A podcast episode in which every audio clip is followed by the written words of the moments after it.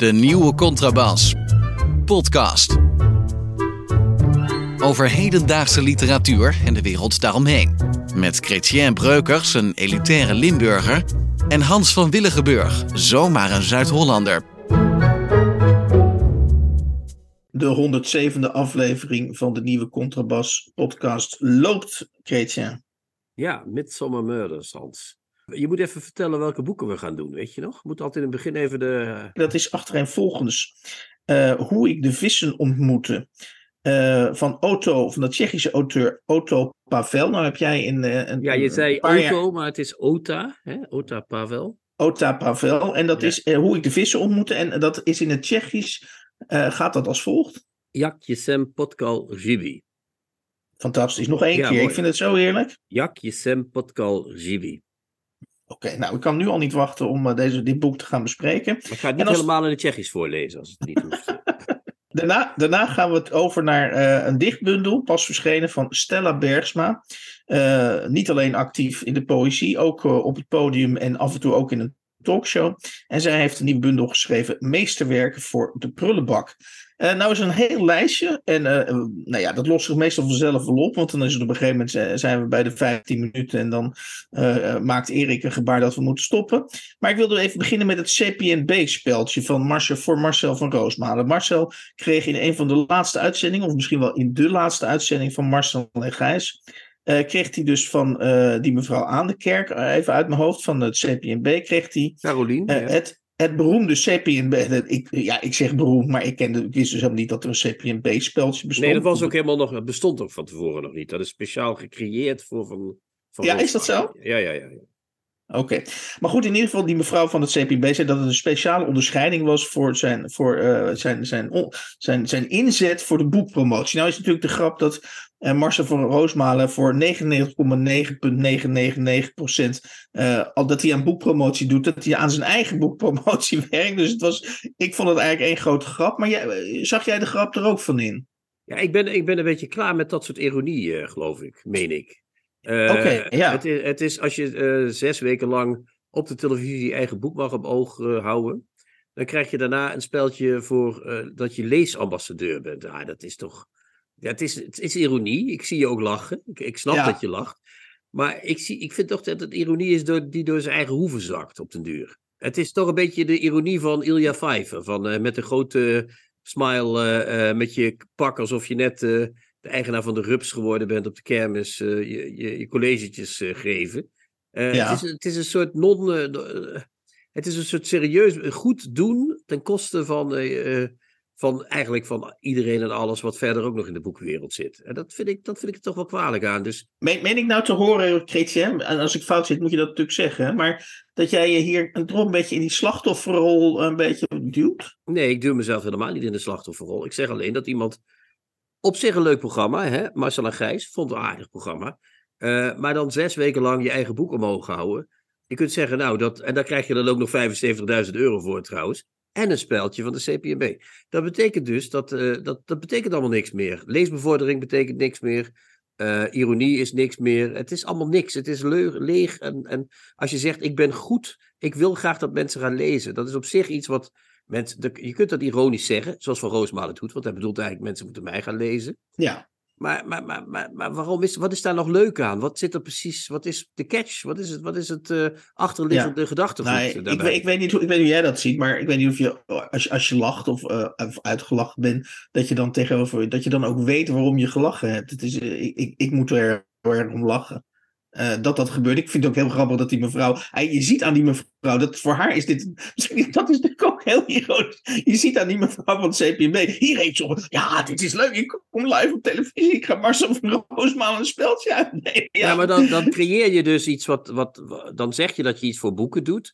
Maar je doet eigenlijk alleen iets voor jezelf. Dat geeft niet. Ja, maar, maar, maar zeg dat dan gewoon lekker. Want ik ben. Wat, wat andere schrijvers doen, dat interesseert me gereed. En wat mij betreft kunnen die allemaal doodvallen. Ik, uh-huh. Marcel van Roosmalen, ik zet uh, een paar oude columns en uh, wat uh, QR-codes in een boek. Doe net alsof, noem het totaal twee, ook al een ironie die door zijn hoeven zakt. En dan ga ik ook nog elke dag op televisie dat omhoog houden. Het is, er was een heel goed artikel in NRC van Tessa Sparreboom, voormalig redacteur Ja, dat is, dan, de eh, dit is gelijk het volgende onderwerp. We, we gaan van, van Roosmalen in een, in een hele strakke lijn door naar Tessa Sparreboom. Ja. Ja, maar die schreef over eh, ironie die, eh, niks meer, die niet gevaarlijk meer is, die niks meer betekent. Eh Arjen Lubach die grapjes maakt over de VVD en dan zegt, maar het zijn wel lieve mensen hoor. En dan een VVD eruit nodigt in zijn programma. Dat, dat, dat is eigenlijk Ja. precies dezelfde ironie als de ironie van eh Gijs en eh, Marcel. Ik mag Gijs en Marcel snap- zeggen, denk ik. Ik snap je punt, denk ik. eh, maar Nou, toch denk ik eh, maar, maar ik dacht, ik denk wel onmiddellijk van wanneer was ironie nog? Wat was, wat was het laatste gevaarlijke ironie toen het nog wel Nou ja. gevaarlijk was? Nou, kijk eens bijvoorbeeld naar oude film. Ja, dat is niet omdat ik dat nog meegemaakt heb, maar kijk naar filmpjes van Code B. Kijk naar de tegenpartij. Ja, Is dat, dat is niet iets van, we hebben het over onszelf. En, en die probeerden een mechanisme bloot te leggen. Van eh, dit en dit werkt, zo werkt macht. Zo werkt Mhm. een partij. Ehm, die, eh, als er, eh, die hadden natuurlijk ook gewoon ironische filmpjes, maar die waren dan ironisch. Maar die, daar stond wel degelijk af en toe iets op het spel. Bij dit soort types, Lubach, ik, ik kan al de namen niet onthouden. ja.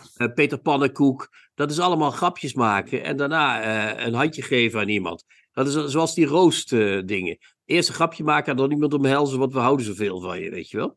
Het is Hm. ironie die nergens over gaat. Het is niks. Het is, het is Nederlands cabaret. Dus het is echt, ja, het zegt alleen maar van geef ons geld. Dat is wat het zegt. En daarmee zet ik mezelf niet in de slachtofferrol. Daarmee zeg ik dat het geen grappige mensen zijn. Oké, oké.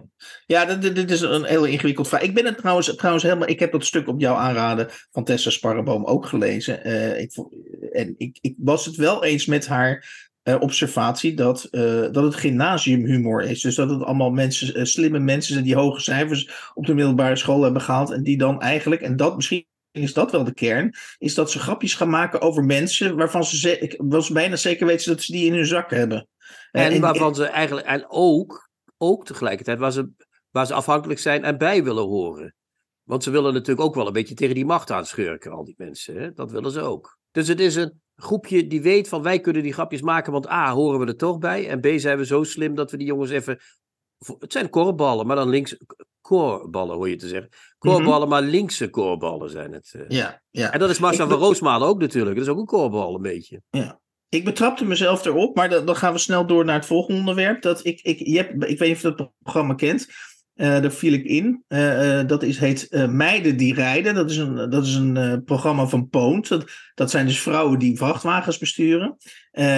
En ik zat eigenlijk te wachten eh, tot de eerste ironische opmerking van een BNN-Vara-cabaretier. Die dan gaat lachen of die hun werk belachelijk maakt. Of die zegt, nou, nou, dat is ook een beetje saai. eh, steeds dezelfde route met die vrachtwagen rijden. Maar dat gebeurde dus niet. Precies het omgekeerde. Die meiden werden dus echt zeg maar op een soort podium van wat stoer dat die vrouwen ook eh, vrachtwagens besturen. Door wie werden die eh, op een eh, podium? Sorry, nou, dat was, door ik de, dat was door de voice-over. eh, die had, die had dus. en, en, en die zei dat hij. en die, een van die jonge meiden, die, die was 19 jaar en die had net haar grote rijbewijs voor de vrachtwagen.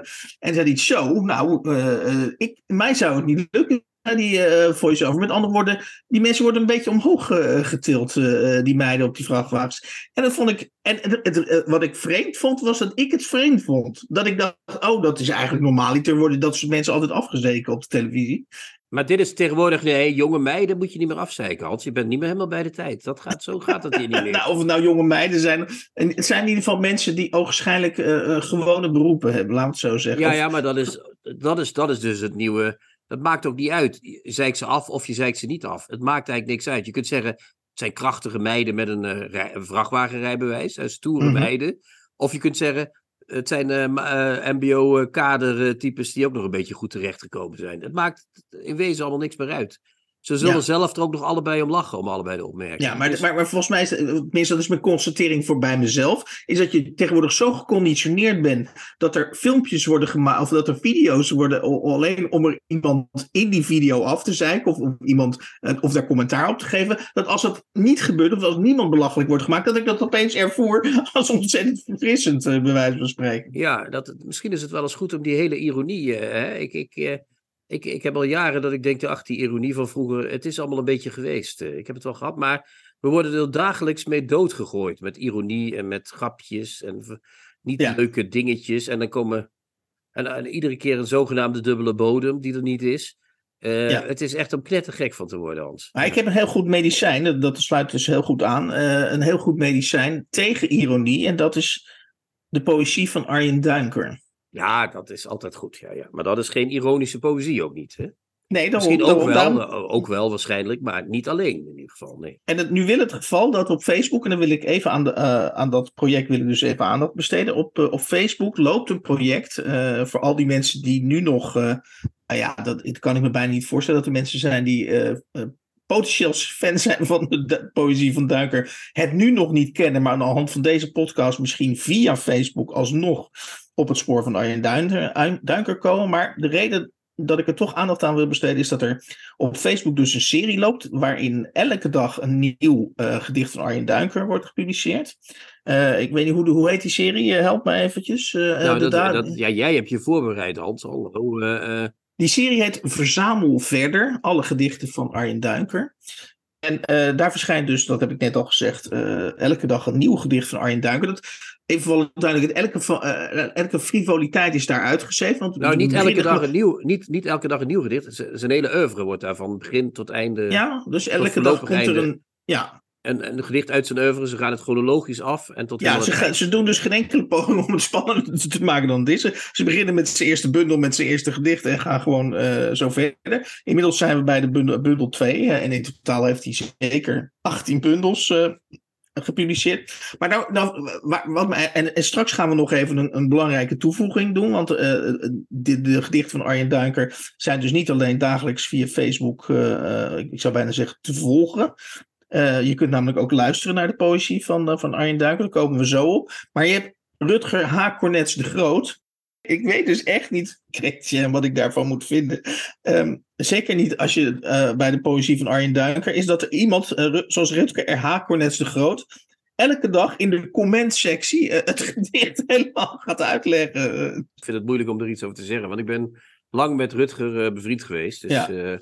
Ik vind het, maar ik lees het wel eens en ik wend het hoofd ook wel eens af als ik het lees, als ik eerlijk moet zijn. Dus, dus op, op, het andere, uh, of op een van de gedichten uh, geeft dus uh, Rutger Cornets de Groot de volgende commentaar in de comment-sectie.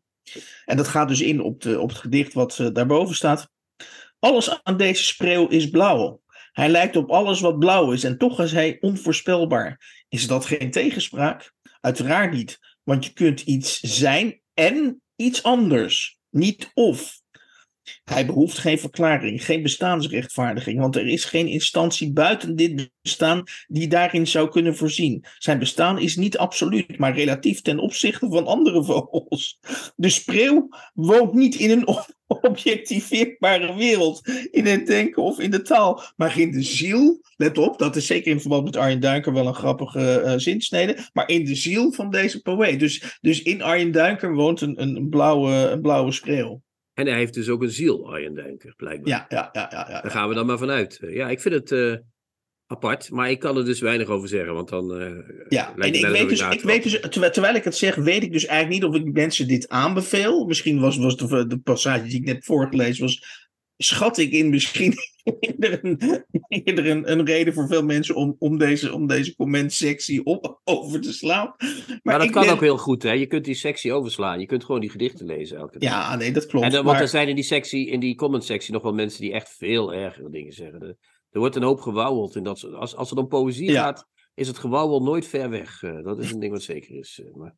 Maar de poëzie van Arjen Duiker krijg je niet kapot met dat soort Ja, maar ik vind het wel fascinerend dat er dus iemand bestaat, in dit geval Rutger H. Cornets de Groot, die dus op een of andere manier vindt dat hij de taak heeft om bij elk gedicht van, eh, van Arjen Duiker een soort, eh, ja, soort verklaren, verklarende tekst te produceren. Hij een, ja, hij is een regelrechte afstammeling van uh, Hugo de Groot. Dus de boekenkist is nooit ver weg, Hans. dat is zo. Ja. ja. En dan is er dus, en dat is misschien uh, een goed alternatief, of, of kun je er ook bij doen, is dat er sinds kort een, heel nieuw project rond uh, de poëzie van Arjen Duinker is gestart. En dat heet De Dagelijkse Duinker. En, en, en wat daar natuurlijk uh, heel mooi aan is, is dat je de stem, de prachtige, door, ik zou bijna zeggen doorrookte stem, maar die sigaret heeft hij volgens mij al jaren afgezworen. Maar, maar, maar, maar, maar de wijn sigaret... is er nog, dus die doet zijn best ook nog om de stem enigszins bij te slijpen. Ja. En op de dagelijkse duinker.nl kun je dus ja, uh, verschijnt de, de gesproken poëzie gaat hij dus al zijn gedichten inspreken en voorlezen. Ja, dat, ben ik, dat, dat is mooi. Dat, dat, ik zal allebei de links, dus naar de Facebookgroep en naar de Dagelijkse Duinker in de comments, uh, of hoe heet het, in de show notes uh, zetten. Dus in, ja. in, de notities bij uh, de dinges. Dus, Heel graag. De podcast, de Dagelijkse Duinker en de Facebookgroep, hoe heet het die ook alweer, Hans? Help mij. Verder. Nee, Alle, verza verzamel, verder. Ver, ja. Verzamel verder, ja, ja klopt. Ja, dus dat wordt echt, het is een overdata duik. Binnenkort, het is, of, of binnenkort niet, over een half jaar is het hele oeuvre van uh, Duinker uh, ineens beschikbaar okay. voor de. En dan ga, ik nog een, dan ga ik nog een poging wagen. En dan verwijs ik even naar, uh, naar de vorige uitzending, waarin we het onder andere hebben gehad over Gerbrand Bakker. Ja. Uh, in zijn privédomeinreeks. Daar waren we het behoorlijk over oneens over, over dat boek. Ja. En ik heb um, hier op mijn lijstje staan de Bakker Misé.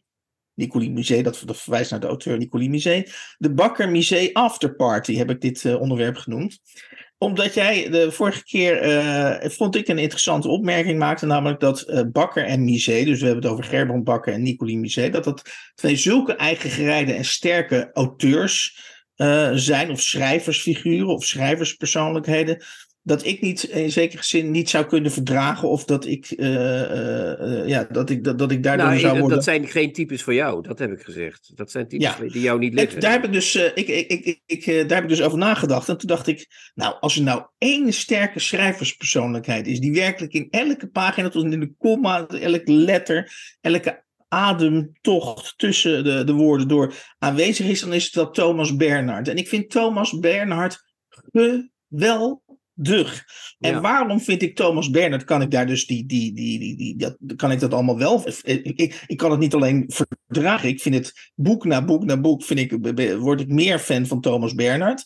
En toen dacht ik, wat is nou het essentiële verschil tussen uh, Gerbrand Bakker en Nicolie Misé en, en Thomas Bernhard?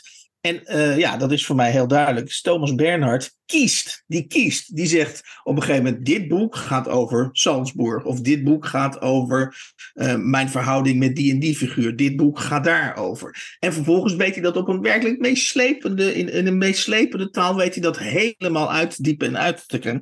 En, en hij doet dus iets met, in mijn ogen, en dat is volgens mij essentieel, hij doet iets met dat materiaal wat hij heeft. Maar wat ik bij Bakker en Misé ontzettend moeilijk vind, ik zeg niet dat het aan hun ligt, ik bedoel, ik, ik, ik, dus die, die rol meet ik me absoluut niet aan, ze kunnen absoluut goed schrijven. Maar wat ik moeilijk vind in hun uh, uh, uh, proza is dat ze dus structureel niet kiezen. Alles gaat mee. Alles gaat mee. De lunch, de boterhammen, de, de, de, de, de achterdeur. En dan ook nog in een soort kalendertempo. Weet je wel, van maandag naar van zondag naar maandag. Ja, maar Hans, is het niet een beetje vreemd dat je nu appels met peren vergelijkt? Uh, apfel met, met uh, ja. Birnen, ja. Vind je? Uh, dat is omdat uh, Bernhard schrijft romans. En dit zijn, we hebben het over die dagboeken van, van, ja. van Bakker. En over de faxen van Musee, dat ook een soort dagboek, wat ook een soort dagboeken zijn. Dus ja. dat zijn natuurlijk hele andere keuzes. Want je kunt wel zeggen keuzes maken, maar in een roman maakt Bakker wel degelijk een keuze. Want dan heeft hij mm -hmm. over de kapperszoon of over de man Klopt. die zijn vader naar boven brengt. Maar het ging oorspronkelijk ja, over sterke schrijverspersoonlijkheden. Ja, maar die is, Barnard is ook een hele sterke schrijverspersoon. En dat jou die wel aanspreekt, nou, dat, dat zie ik je. Maar, uh, mm -hmm. maar, maar de, die boeken zijn niet te vergelijken met de dagboekachtige boeken van uh, ja. uh, ben, Bakker en dat snap ik. Dat je, ja, ik snap heel goed dat ja, je kunt zeggen dat zijn appels en peren. Maar het bracht mij ook weer even terug. Uh, uh, ik weet niet, ik, uh, naar mijn eigen studiejaren, eind, eindjaren of middenjaren toch? Toen ben ik helemaal gepokt en gemazeld in het Russisch formalisme. Hè. Daar werd dan uitgelegd hè, de, wat liter, hè, dus die Russen waren toen. Juri Lotman.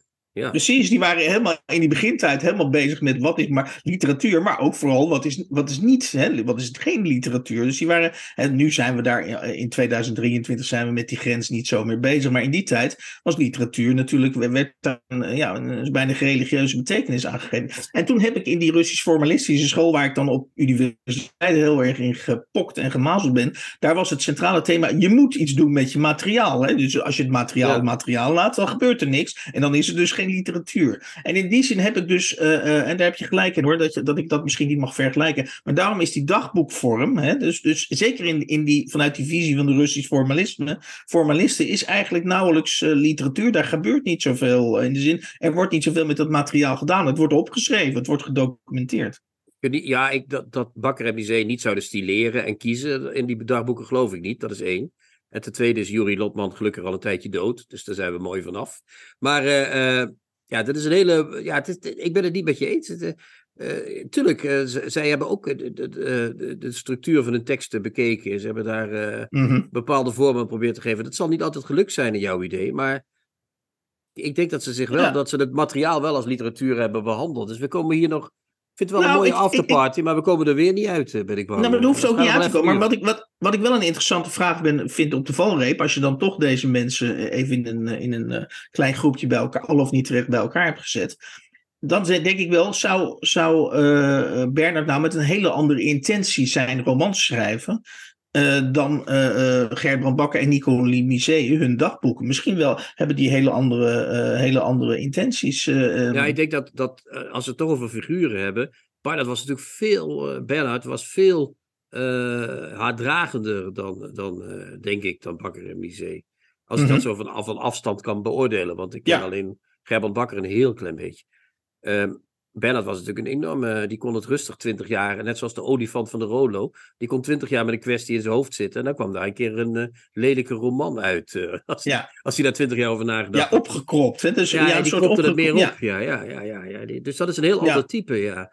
Dat heb je ook, die heb je misschien uh, in Nederland, kan ik me niet zo gauw een voorbeeld van een Bernard-achtige schrijver Nee, die ken, die ken ik niet. Dat is een mhm. uniek eh, geval. Maar, maar je hebt natuurlijk schrijvers die het opkroppen en dan een keer erover schrijven. Je hebt er die meteen uh, beginnen te analyseren of wat hun eigen leven allemaal. Eh, dus dat zijn twee, dat zijn twee heel verschillende types. Zijn dat, ik, ik, ik, je kunt erover twisten of je ze mag vergelijken. En jij zegt je mag ze niet vergelijken. Daar zit, daar zit wat in. Maar het geeft in ieder geval aan dat ik ja, heel veel meer. Dat heeft dus met mij te maken. Veel meer moeite me heb om in voortkabbelend dag-tot-dag proza uh, literatuur te zien dan in bijvoorbeeld inderdaad zo'n groot en meeslepend uh, haatdragend proza. Daar heb je gelijk in. Uh, als van Thomas Bernhard, weet je wel, dat, dat, ja, dat, vind ik, dat vind ik bijna instant fantastisch. Ja, dat is het ook. Dat is ook fantastisch. Dan ben ik het helemaal met je eens. maar goed, dat, dat, ja, dat, dat zijn verschillende types en het zijn fantastische schrijvers. Dat is zo. Heb je, heb je de poëzieprijs nog op het lijstje staan, of niet? Eh? Oh ja, uh, zeg maar wat je daar nog. Uh... Nou ja, dat, dat, ik weet niet of je het gezien hebt. Op Zoom stond dat Marvin Vos, winnaar van de Grote Poëzieprijs. Ja, en, ja. en jurylid Xavier Roelens, en dat is heel mooi, dat is echt een Nederlandse zin. Een deel van het geld dat ze respectievelijk als winnaar van de Grote Poëzieprijs 2023 en als jurylid ontvingen doneren aan vissers in de Filipijnen. Deze vissers worden bedreigd door werkzaamheden die de sponsor van de prijs, Boscalis, daar verricht op en rond het eiland Luzon. Dus met andere woorden, ze, je doet eerst mee aan een prijs, Hans, en als jurylid en als winnaar. Sterker nog, de uitgeverij die het instuurt geeft geld om mee te mogen doen, 70 euro. Dan win je en je weet van tevoren de hele traject door, weet je al dat Boscalis de, de sponsor is van deze prijs. Weet je dat? Oké. Dat wist je al, dat was al helemaal bekend. Okay. Sterker nog, de organisatie heeft dus bewust naar een sponsor gezocht en gedacht: oh, Boscaal, dat is een goed idee. Dan win je. Of als jurylid, dan heb je de winnaar vastgesteld. Mhm. En dan denk je pas achteraf, weet je wat? Een deel daarvan ga ik toch, want ik ben het toch niet, ik vind toch dat Boscalis geen fijn bedrijf Een deel ga ik weggeven. Waar is de tijd gebleven, Hans, dat Hermans uh, zei toen hij de grote prijs letter kreeg, toen dat, toen dat bedrag uh, uh, minder, of, of, of, was het ja, grote prijs in Nederlandse letter, dat bedrag bleek te klein te zijn. Toen hij zei, nou, voor zo'n bedrag wil ik hem niet. Of Jan Wolkers, die de PC Hoofdprijs kreeg, en die zei, dat had u eerder moeten doen. Allemaal meesterwerken en nooit een prijs gehad. En nu komt u met dit prijsje aan, weg ermee. Nee, eh, ja, ik weet niet waarom, maar ik vind het oneindig hypocriet. Eh, het is echt iets wat mij ook structureel tegenstaat in de poëziewereld. Ik zag, ik zag net vandaag, wat viel mijn oog eventjes in een ooghoek, in een oogwenkel op, dus dat verder betekent dat niet. Maar uh, ik zag dat er een boek net verschenen is. Dat met als titel, ik ken het boek zelf niet, ik heb het niet gelezen, maar dat heeft als titel Deugen voor de Bühne. Nou, dat is precies wat dit is, dus dat is dit.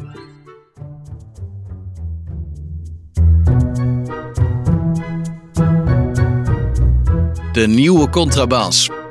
Podcast. We gaan twee boeken bespreken in deze 107e aflevering van de nieuwe Contrabas podcast. En zoals aangekondigd beginnen we met, zeg het maar Chrétien, want jij, jij hebt in Tsjechië gewoond, ik niet. Nog één keer dan. Jak Jesem Pascal eh, van Otta Pavel.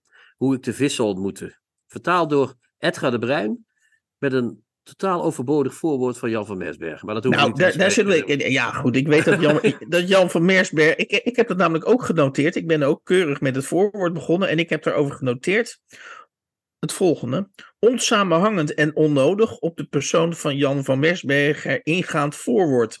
Tussen haakjes. Hij legde nog net niet de grondprincipes van het dijkland, dijkenlandschap uit. Ja, Jan is, eh, heeft ook wel eens stukjes geschreven waarin hij zegt, dat, omdat hij vroeger ooit stratenmaker geweest is in zo'n belang, zegt hij schrijven is straten maken. En dan gaat hij ook uitleggen hoe je straten moet leggen. Maar hij, hij schrijft inderdaad altijd over zichzelf. Hè? Dat is wel mooi. Het is zelfs een boek wat over eh, eh, een krankzinnig geworden Tsjech gaat eh, met een familie die in Auschwitz heeft gezeten. Dat weet hij nog naar zijn eigen familie toe te dirigeren. Dat is How to Make This About Me. Hè? Dat is echt in optima forma is dat.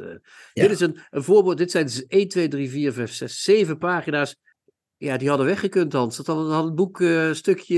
Ja, Ja. dat had het boek beter gemaakt. Maar goed, oké. Ja, en, en, en het wil veel zeggen dat we ondanks dus dat voorwoord van Jan van Mersbergen, wat we nu wel afdoende hebben getypeerd, denk ik, eh, Ja. dat we toch, tenminste dat geldt voor mij, eh, dat ik, eh, ehm, ik denk dat dit boekje, want het, dit is niet een heel groot boekje, eh, dat dit me nog heel lang gaat heugen, denk ik, dit boekje. Ja, want het is een prachtig boek. Laten we daar maar mee beginnen. Dan zijn de luisteraars. Laten we de spanning weg. gelijk uit, zo, de Ja, spanning dat- die, die ja, de, kunnen- de, de, kunnen mensen nu- de lucht gaat er helemaal uit nu, ja. Kunnen de mensen 10 minuten doorspoelen naar Stella Bergsma voor zo meteen.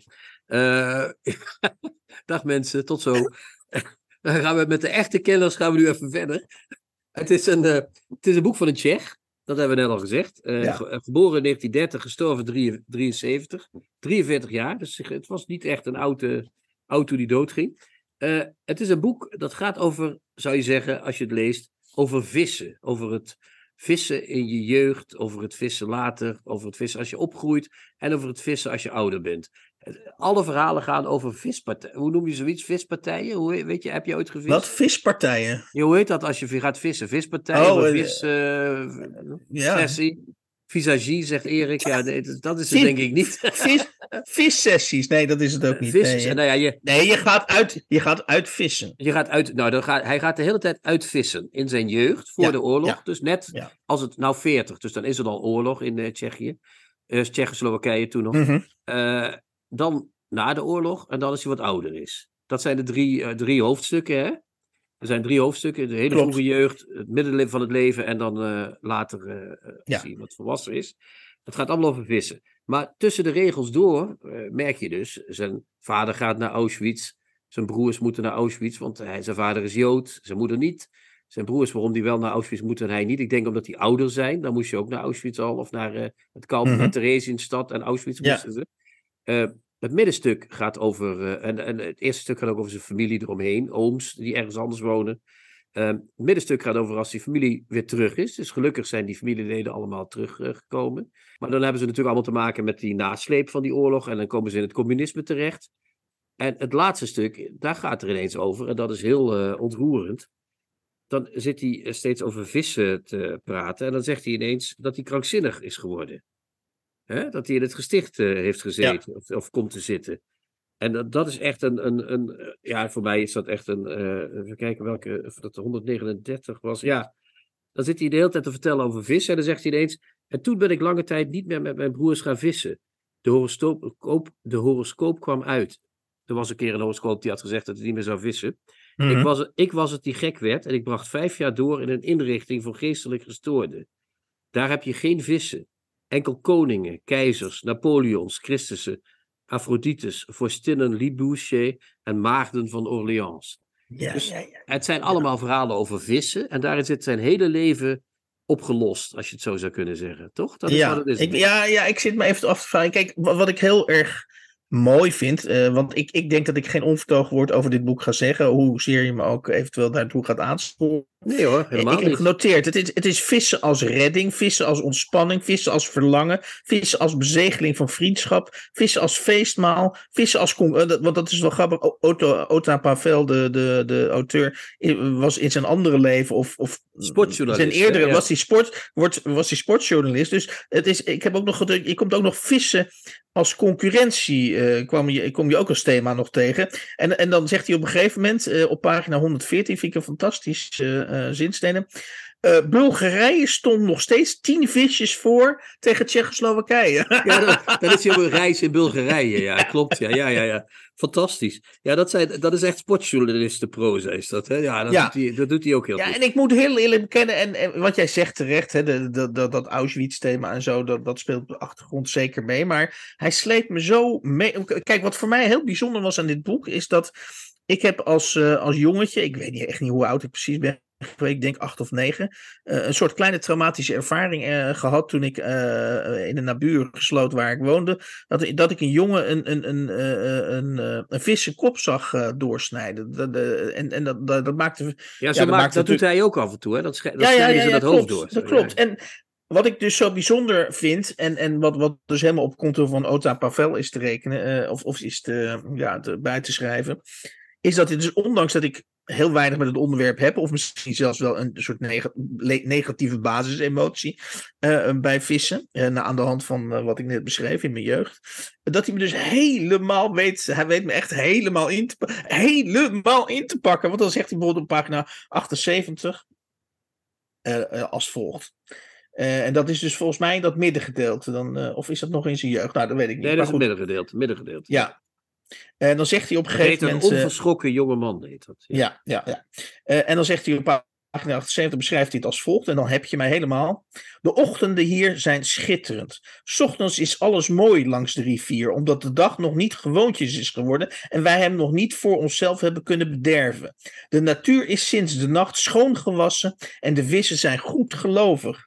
Ik ving een pan blankvoorns voor het ontbijt. Ze zijn knapperig als ze gebakken zijn. Ja, dat is, dat, ja je, voelt ze bij, je voelt ze uit de pan springen bijna, hè? Kap- Ja, precies, kapitein- precies, precies. Kapitein Iglo is er niks bij, eh, zal ik maar zeggen. Eh, ze, ze hebben ook zo'n prachtig verhaal dat ze een of andere kaper gevo- gevonden hebben. Met zijn broers heeft hij dan een hele Ja, grote ja. kaper eh, ge- gevangen. En dan schrijft hij twee verhalen. Eén, dat ze met de auto teruggaan. En dat beest dat voeren ze steeds een beetje Slivovits en, en zo, en rum. En, en Ja, een beetje ja. water eroverheen. Dus dat beest is dronken, zegt hij dan. Wat natuurlijk niet kan. Ik denk niet dat een kaper dronken kan zijn, ik weet het niet. En dan heeft hij twee versies van het, eh, van het eh, verhaal. Eén daarvan is dat ze verongelukken. En één is dat ze thuiskomen en dat dat beest nog een tijdje in de badkuip rond, eh, rond eh, drijft. Voordat ze die slachten en opeten. En het is ook zo Tsjechisch, Hans. Want ik weet niet of je dat weet, maar in Tsjechië is, eten ze met kerst eten ze eh karpers. Hè? Dat zijn, dat is Mhm, nee, dat wist ik niet. Dat feest, wist eh, ik niet, ja. en je hebt ook een jaarlijks feest, eh, ergens in het najaar. Dat heet het oogsten van de vissen. Dan gaan mensen allemaal naar meertjes en dan gaan ze dan vissen. En dan gaan ze Mhm, mhm. samen barbe- vis barbecuen en zo. Het zijn vleeseters over het algemeen, de Tsjechen. Maar de vis speelt in de, zeker in de plattelandscultuur een belangrijke rol. Dus het is ook in die zin een heel Tsjechisch boek. Hij pakt het ook in een heel Tsjechisch onderwerp aan wat hij wil doen. Ja, en, en, die, ja, en die omgevingen en die namen van die rivieren en, en van die, die dorpjes. Ja, nee, dat heeft die, die oom, die oom die een beetje raar is. En, en Ja. het is allemaal zo Tsjechisch. Hè? Het is echt fantastisch. En dan op pagina 116, ja, sorry, ik heb het aangekruist, dus eh, ik wil dat Ja, gewoon. vertel, vertel, ik wil vertel, dat, ik ja. zou bijna zeggen de eter, maar de, de eter, dat, dat was in de jaren 70, eh, dat je de eter, dat je met je stem de eter inging, maar dat, eh, dat is inmiddels. Ja, ja. Dat is voorbij. Ja. En dan zegt hij letterlijk eh, dat hij bij een. eh, dan is hij dus uit vissen, zit hij in een boot. En dan, dan, eh, ja, dan, dan, dan, dan komt hij eigenlijk in een soort bijna fantasmorgische vangst. Dat, daar heeft hij altijd van gedroomd. En hij zegt letterlijk in het voorafgaande, in de voorafgaande alinea: Ik huilde van geluk. En hoe gaat dat dan? Hè? Dus hij huilt van geluk. En dan komt dus de volgende scène. En dat zie ik dus ook. Dat is ook weer heel mooi visueel. en, en toch weer ja, heel mooi visueel gevisualiseerd. Sorry. Let op, de lijnen zwabberden niet langer achter de boot. Hij hing loodrecht naar beneden, naar de blauwe diepte. Ik boog me over zijkant en begon hem moeizaam in te halen. Op dat moment zag ik in het heldere water de lijn als een kerstboom volhangen met allemaal zilveren versieringen. En dat was misschien wel nog overweldigender dan een kerstboom, omdat de bonito's in dat bijzondere blauw aan de haakjes hun laatste leven dans dansten. Ze namen afscheid van hun thuis waar ze geboren, eh, waar ze waren geboren en waar ze hadden geleefd. Ja, dat is ook, het is zo beeldend. Het is, ja, je kunt er niet anders dan van in bewondering eh, eh, verstaan. Ik, ik denk echt dat, en dan moet je dus nagaan dat ik helemaal niks met vis heb. Dat als je mij wil straffen, niks. dat als je mij wil straffen, dan moet je mij uit vissen gaan sturen. En toch, die lijn die hier loodrecht naar beneden langt en die blauwe diepte en, en, en, en dat heldere water en die bonito's. eh, het, is, het is werkelijk een feest. Ja, Ja, en, en, to- en- ja, het is een feest, inderdaad. En toch, en, en daar wil ik niet, ik wil je niet die kant op duwen, maar toch is het ook een, Mhm. traag- een tragisch boek. Hè? Want het eindigt ook zeker. met dat hele verhaal dat hij palingen voor zijn vader wil, eh, wil vangen. Dat- tegen het einde heeft, dan gaat hij palingen, en dat lukt hem wel, maar dan uiteindelijk, na zo, heel veel jaren, lukt hem dat. Want zijn vader heeft altijd gezegd, als je elf palingen vangt, die mag je, elf gouden palingen vangt, dan mag je die Mhm. laten roken bij de, bij de, bij de, bij de rookmeneer. Ja, ja. Dan doet hij dat en dan weet die rookmeneer dat ook nog te verpesten door er te veel zout op te doen. Dus hij probeert een soort gebaar te maken naar zijn vader. En dat gaat fout, doordat die rookman het Ja. eh, verkeerd... En dan krijg je volgens mij de sleutelpassage waar het hele boek om draait. Ehm, als dat dus allemaal fout gegaan is, dan zegt die vader, ik vind het niet tevreden. En dan, hangen ze die dan gaat hij met Ja. die palingen weg. En dan, ik sloop weg naar de schuur en wist even niet of ik daar de palingen moest ophangen of mezelf. Uiteindelijk koos ik voor de palingen. Ze bleven daar lang hangen en niemand keek naar ze om. Gaandeweg verdwenen ze en er bleven slechts koppen en huid over die als gehangenen in de wind wierden zodra de schuurdeur openging. Ik besloot ze als mensen te begraven. Ik begroef ze onder de berg bij de poel waarvan Daan je zicht had op de rivier en hun waterroute naar de Sargassozee. Eh, Sa- Sargassozee, sorry. En toen bedacht ik dat het misschien niet zo, erg, niet zo erg is als je een vis doodt. Het is pas erg als je hem niet opeet. Alsof alleen de vissen die in de mesthoop, in de vuilnisbak of in welk graf dan ook terechtkomen, daadwerkelijk dood en kapot waren. Nou, dat is toch ja, ja. ook weer een prachtige scène natuurlijk. Ja. En, daarin, en later komt dat met die vader weer goed, want die vader die betaalt hem als het ware die palingen terug. Het is een boek over hoe moet ik leven, hoe kan ik leven. En die Pavel die kon duidelijk niet goed leven, want die heeft het niet gehaald eh, heel lang. Maar het is een, Nou, zijn lichaam hoog, hoogstens, maar goed, ja, ja. ja, ja, ja, goed. eh, dat boek is er nog en het is een prachtig boek. Maar het is een boek, het, het is geen vrolijk, ik vind het geen vrolijk boek. Ik vind het een beeldend boek. Ik vind het een geweldig boek. Ik vind het een door en door Tsjechisch boek. Mhm. Ik vind het ook heel erg eh, op zijn Tsjechisch en Midden-Europees heel onderhuids humoristisch, weet je wel. Zeker. Ook. En het is toch ook weer tragisch, alles bij elkaar. Ja. Ja, het is, Ja. Het is, het is een, fantastisch eh, boek. Ja, dat kunnen we eigenlijk niet anders zeggen. Ja, het is eh, eh, bloemrijk, ja, fantastisch. Ja, nou ja, ik, wat, ik, wat, ik, wat, wat wel mijn verbeelding spreekt, is als je met deze. Ik, ik, zou erg, ik zou eigenlijk heel graag, want hij was dus sportjournalist voordat hij dit boek schreef, volgens mij, want dat heeft hij op zijn latere, in, in, in, eh, nadat hij sportjournalist eh, was. Eh, ik zou dolgraag met deze stijl, of hij heeft me zo, zeg maar, in zijn ban gebracht, dat ik Ja, ja, ik zou heel graag van Otto Pavel, door de ogen van Otto Pavel, een wedstrijd tussen Sparta Praag en Victoria Žižkov of zo ja, ja, hij noemt, ja, hij noemt Victoria Žižkov nog hè, en Sparta Praag allebei. Eh, Ja. Victoria Žižkov was, is nu in de derde divisie, dus dat is niks meer. Maar eh, eh, dat zal toen nog wel wat geweest zijn. Maar dat is Ja, echt, maar het hele hij- idee, ik, ja, en dat is natuurlijk heel flauw van mij, maar, maar ik had dus bij het, wo- het woord sportjournalist moest ik de hele tijd aan Mart Smeets denken. En ik dacht, één ding weet ik zeker, Mart Smeets zou nooit in staat zijn om dit, dit, dit te schrijven. Maar goed, Nee, dat, maar ja, goed, dat is ook. ja, dan, kan, dan kunnen, we dat, Mart, dat is, dat is wel een hele rare. kunnen, we, kunnen we Mart Smeets niet euvel duiden, Wa- zeggen. Was, was Wa- Mart Smeets maar krankzinnig geworden en Otto, Otto Pavel niet, hè? Dat zou het beste zijn geweest. Dat zou een goede ruil geweest zijn. Ja. Ja, ja. Oké, volgende boek, Hans.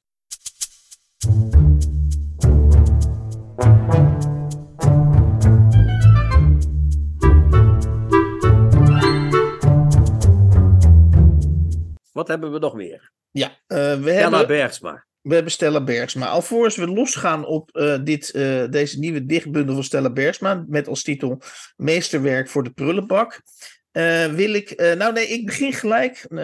laat ik gelijk beginnen met. ik weet niet hoe jij naar flapteksten kijkt. Kijk, ik, ik, ik, goed, flapteksten zijn om geconsumeerd te worden en om voordat je het boek eh, gaat lezen een indruk te krijgen van wat er binnenin staat. Maar ik vond deze flaptekst Heel en goed. daarom ben ik, ben ik hem ook, of ben ik van plan om te gaan voorlezen. Omdat ik dacht, kijk, dit is nou een flaptekst waar je echt zin in krijgt om dit boek te gaan lezen. Ik zal hem even de, de flaptekst even voorlezen. De gedachten die mensen weggooien zijn vaak interessanter dan de brave bedenksels die tussen kaften terechtkomen. Die verfrommelde pogingen tot schoonheid met woeste krassen erdoor zeggen meer over onszelf en het leven dan alle dan alle gelukt en geliktheid. Vuilnis is gelaagder dan al het geslaagde. Misschien leggen we met de woorden en zinnen die we bewaren een Photoshop-filter over de werkelijkheid, terwijl ons afval onze ware aard toont. Bergsma heeft al haar proppen en kladjes gladgestreken, haar misluksels en probeersels gebundeld. In de prullenbak, daar vind je de echte kunst. Ik, ik weet niet of Stella, ik, ik, ik, ik, ja, het zou zomaar kunnen. Vaak doen auteurs hun eigen, hun eigen flapteksten. Dus het zou ja, zomaar kunnen ik wel, ja, ja, dat, dat Stella dit zelf geschreven heeft. Maar ik vind dat al, ja, ik vind dat een geweldige flaptekst. Uh. Dat is één. En ten tweede, als we er dan toch iets over mogen zeggen, maar dat is wel een link naar de rest van de bespreking. Het is ook een beetje koket natuurlijk, toch? Van, uh, ik heb hier een bundel met uh, een beetje gladgestreken kladjes, lieve mensen. En wat ze, er dan ook, wat ze er dan ook nog bij doet, dat is ook nog het mooiste. Nee, maar ze Dus- suggereert toch dat die gladgestreken kladjes, dat, dat is het. Ja, die zijn Ja. niet gladgestreken. Dat is, dat is... Ja, maar die kladjes zijn gladgestreken en toen zijn ze maar zo in de bundel gekomen. Dat bedoelt ze toch? Of niet? eh? Oké. Niet, Ja, niet bewerkt, niet eh, tot kunst verheven, maar gewoon Mhm. erin gezet. Ja. En eh, het is ook nog zo dat als je de, een gedichtje niet bevalt in de bundel, kun je hem eruit scheuren. Hè? Er zitten scheurrandjes in. Oh, dat, dat heb ik nog Dus niet eens. kijk maar eens heel goed in de bundel. Jazeker, je kunt hem er zo uit scheuren. Scheurrandjes? Ja, kijk maar, het is al Of verdraaid. Ja, nee, maar Ja. dat heb, ik, dat heb ik helemaal niet gezien, joh. En dat samen vind ik net iets te koket, zeg maar. En dat is mijn bezwaar. Als ik nu toch met een, iets negatiefs moet beginnen. Ja, Mijn bezwaar tegen deze bundel is dat dat koket is. Een beetje van, ach, het zijn maar, het zijn maar mislukte dingetjes voor de pret. mhm. Ik heb hier een eh, eh, ding eh, bij elkaar gedaan. En toch ben ik heel positief over het boek. Ik vind het toch een hele goede bundel. Wat vind jij er eigenlijk van, Hans? Nou, sowieso is het bij Stella Bergsma zo dat eh, ik vind eh, zij is echt een performing poet. Dus, dus eh, met andere woorden, Stella Bergsma zien en ervaren, terwijl ze eventueel die poëzie leest, maar ze zingt ook en ze acteert ook, dus ze, ze is van meerdere markten thuis.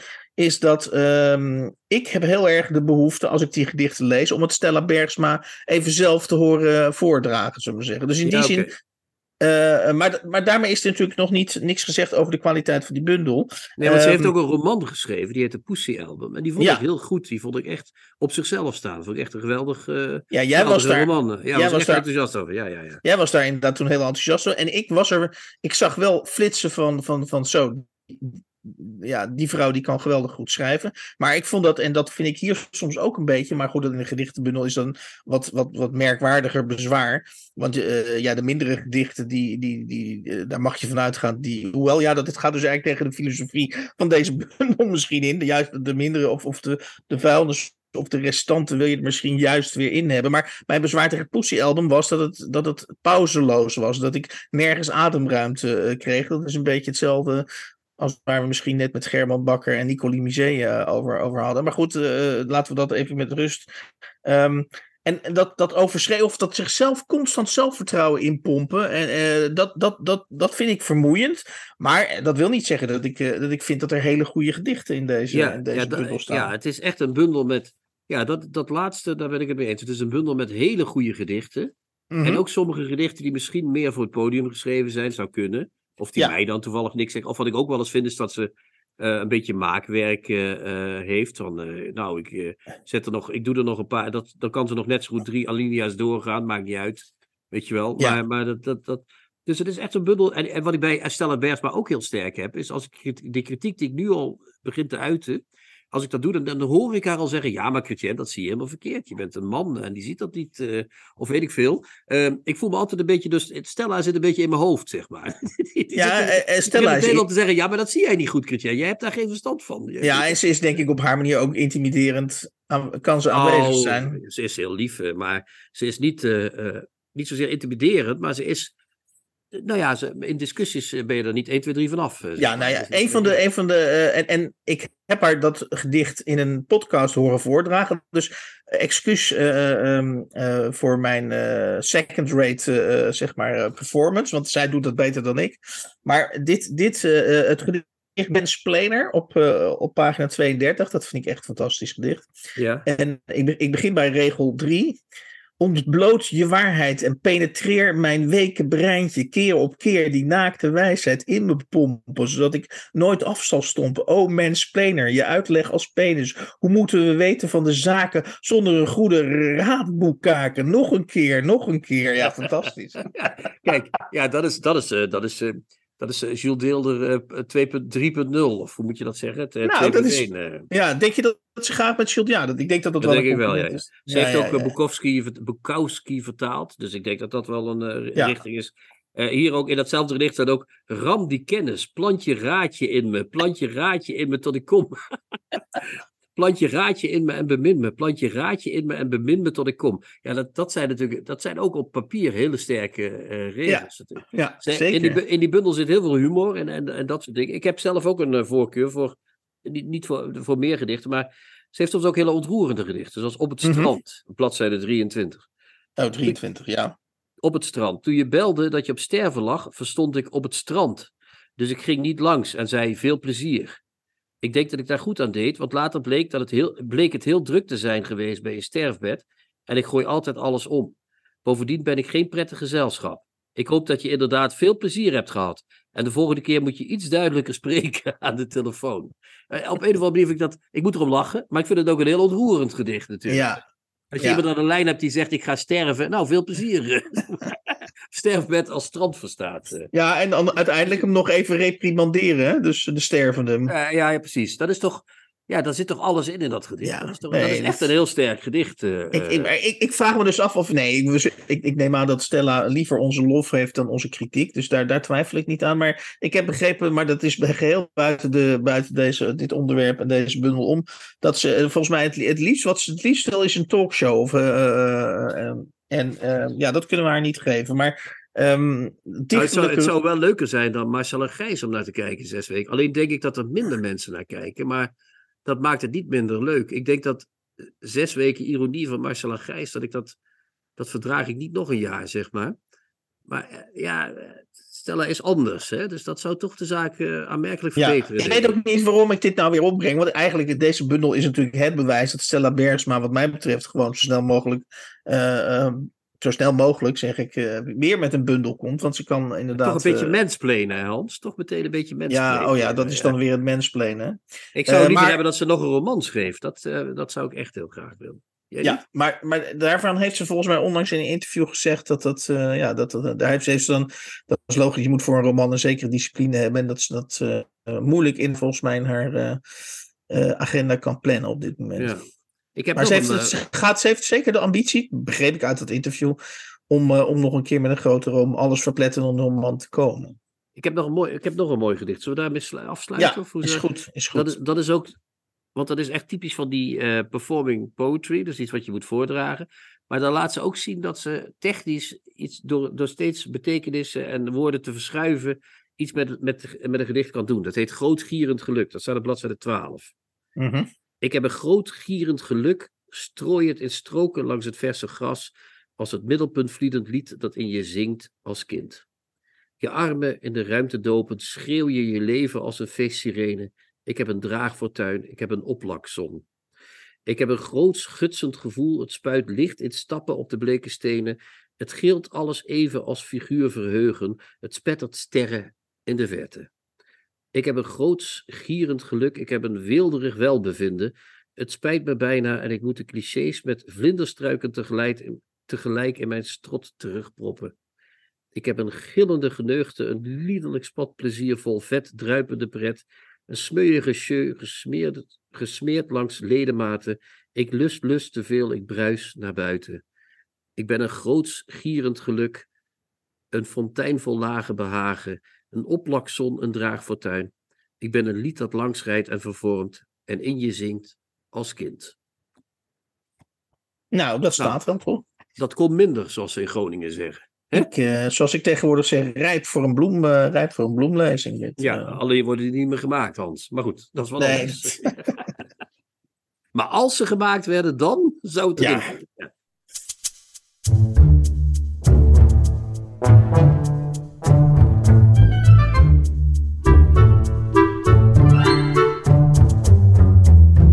Gaan, we, gaan, uh, gaan, we nu aan onszelf melden dat we, dat we er doorheen zijn? Dat, dat ja, deze ik... 107e aflevering ja. van de Nieuwe Contrabas podcast, dat, die, dat, dat, dat dit dus, dat de, onze luisteraars het hiermee moeten doen deze zomer? tot na de zomer, want Erik gaat, moet zo nodig met vakantie. Dan gaat hij weer, verbranden, dan gaat hij weer verbranden op zijn lieve bolletje. Dan gaat, als, hè, dan gaat zijn hele huid weer afpellen. In Engeland, oh, dan valt het wel mee. Ehm, maar goed, die gaat twee weken met vakantie. Dus we zijn er, als ik het goed zie, midden, midden augustus zijn we weer terug, toch? Ja, midden augustus. Uh, klopt. En wat er dan gebeurt, weet ik niet. Het kabinet kan niet meer vallen, Hans. Dat is een ding wat zeker is. eh. Maar wel, ondertussen kunnen alle politici ermee gestopt zijn als we, als we weer terug zijn. Want nou, nou zijn er al een stuk of twintig gestopt, dus God mag weten wat er gebeurt.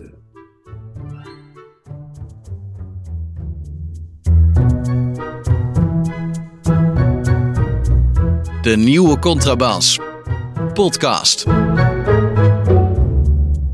In eh, de 107e aflevering hadden we het dus achtereenvolgens over Ota Pavel of Ota Pavel.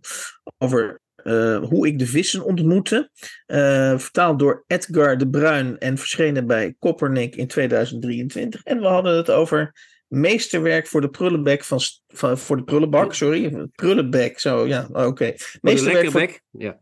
Lekker bek. Meesterwerk voor de prullenbak van Stella Bergsma. En dat verscheen in 2023 bij uitgeverij Nijg en Van Ditmar.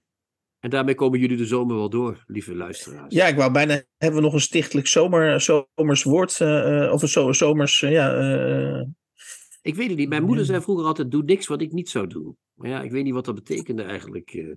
Jij wel? Iets wat ik niet zou doen.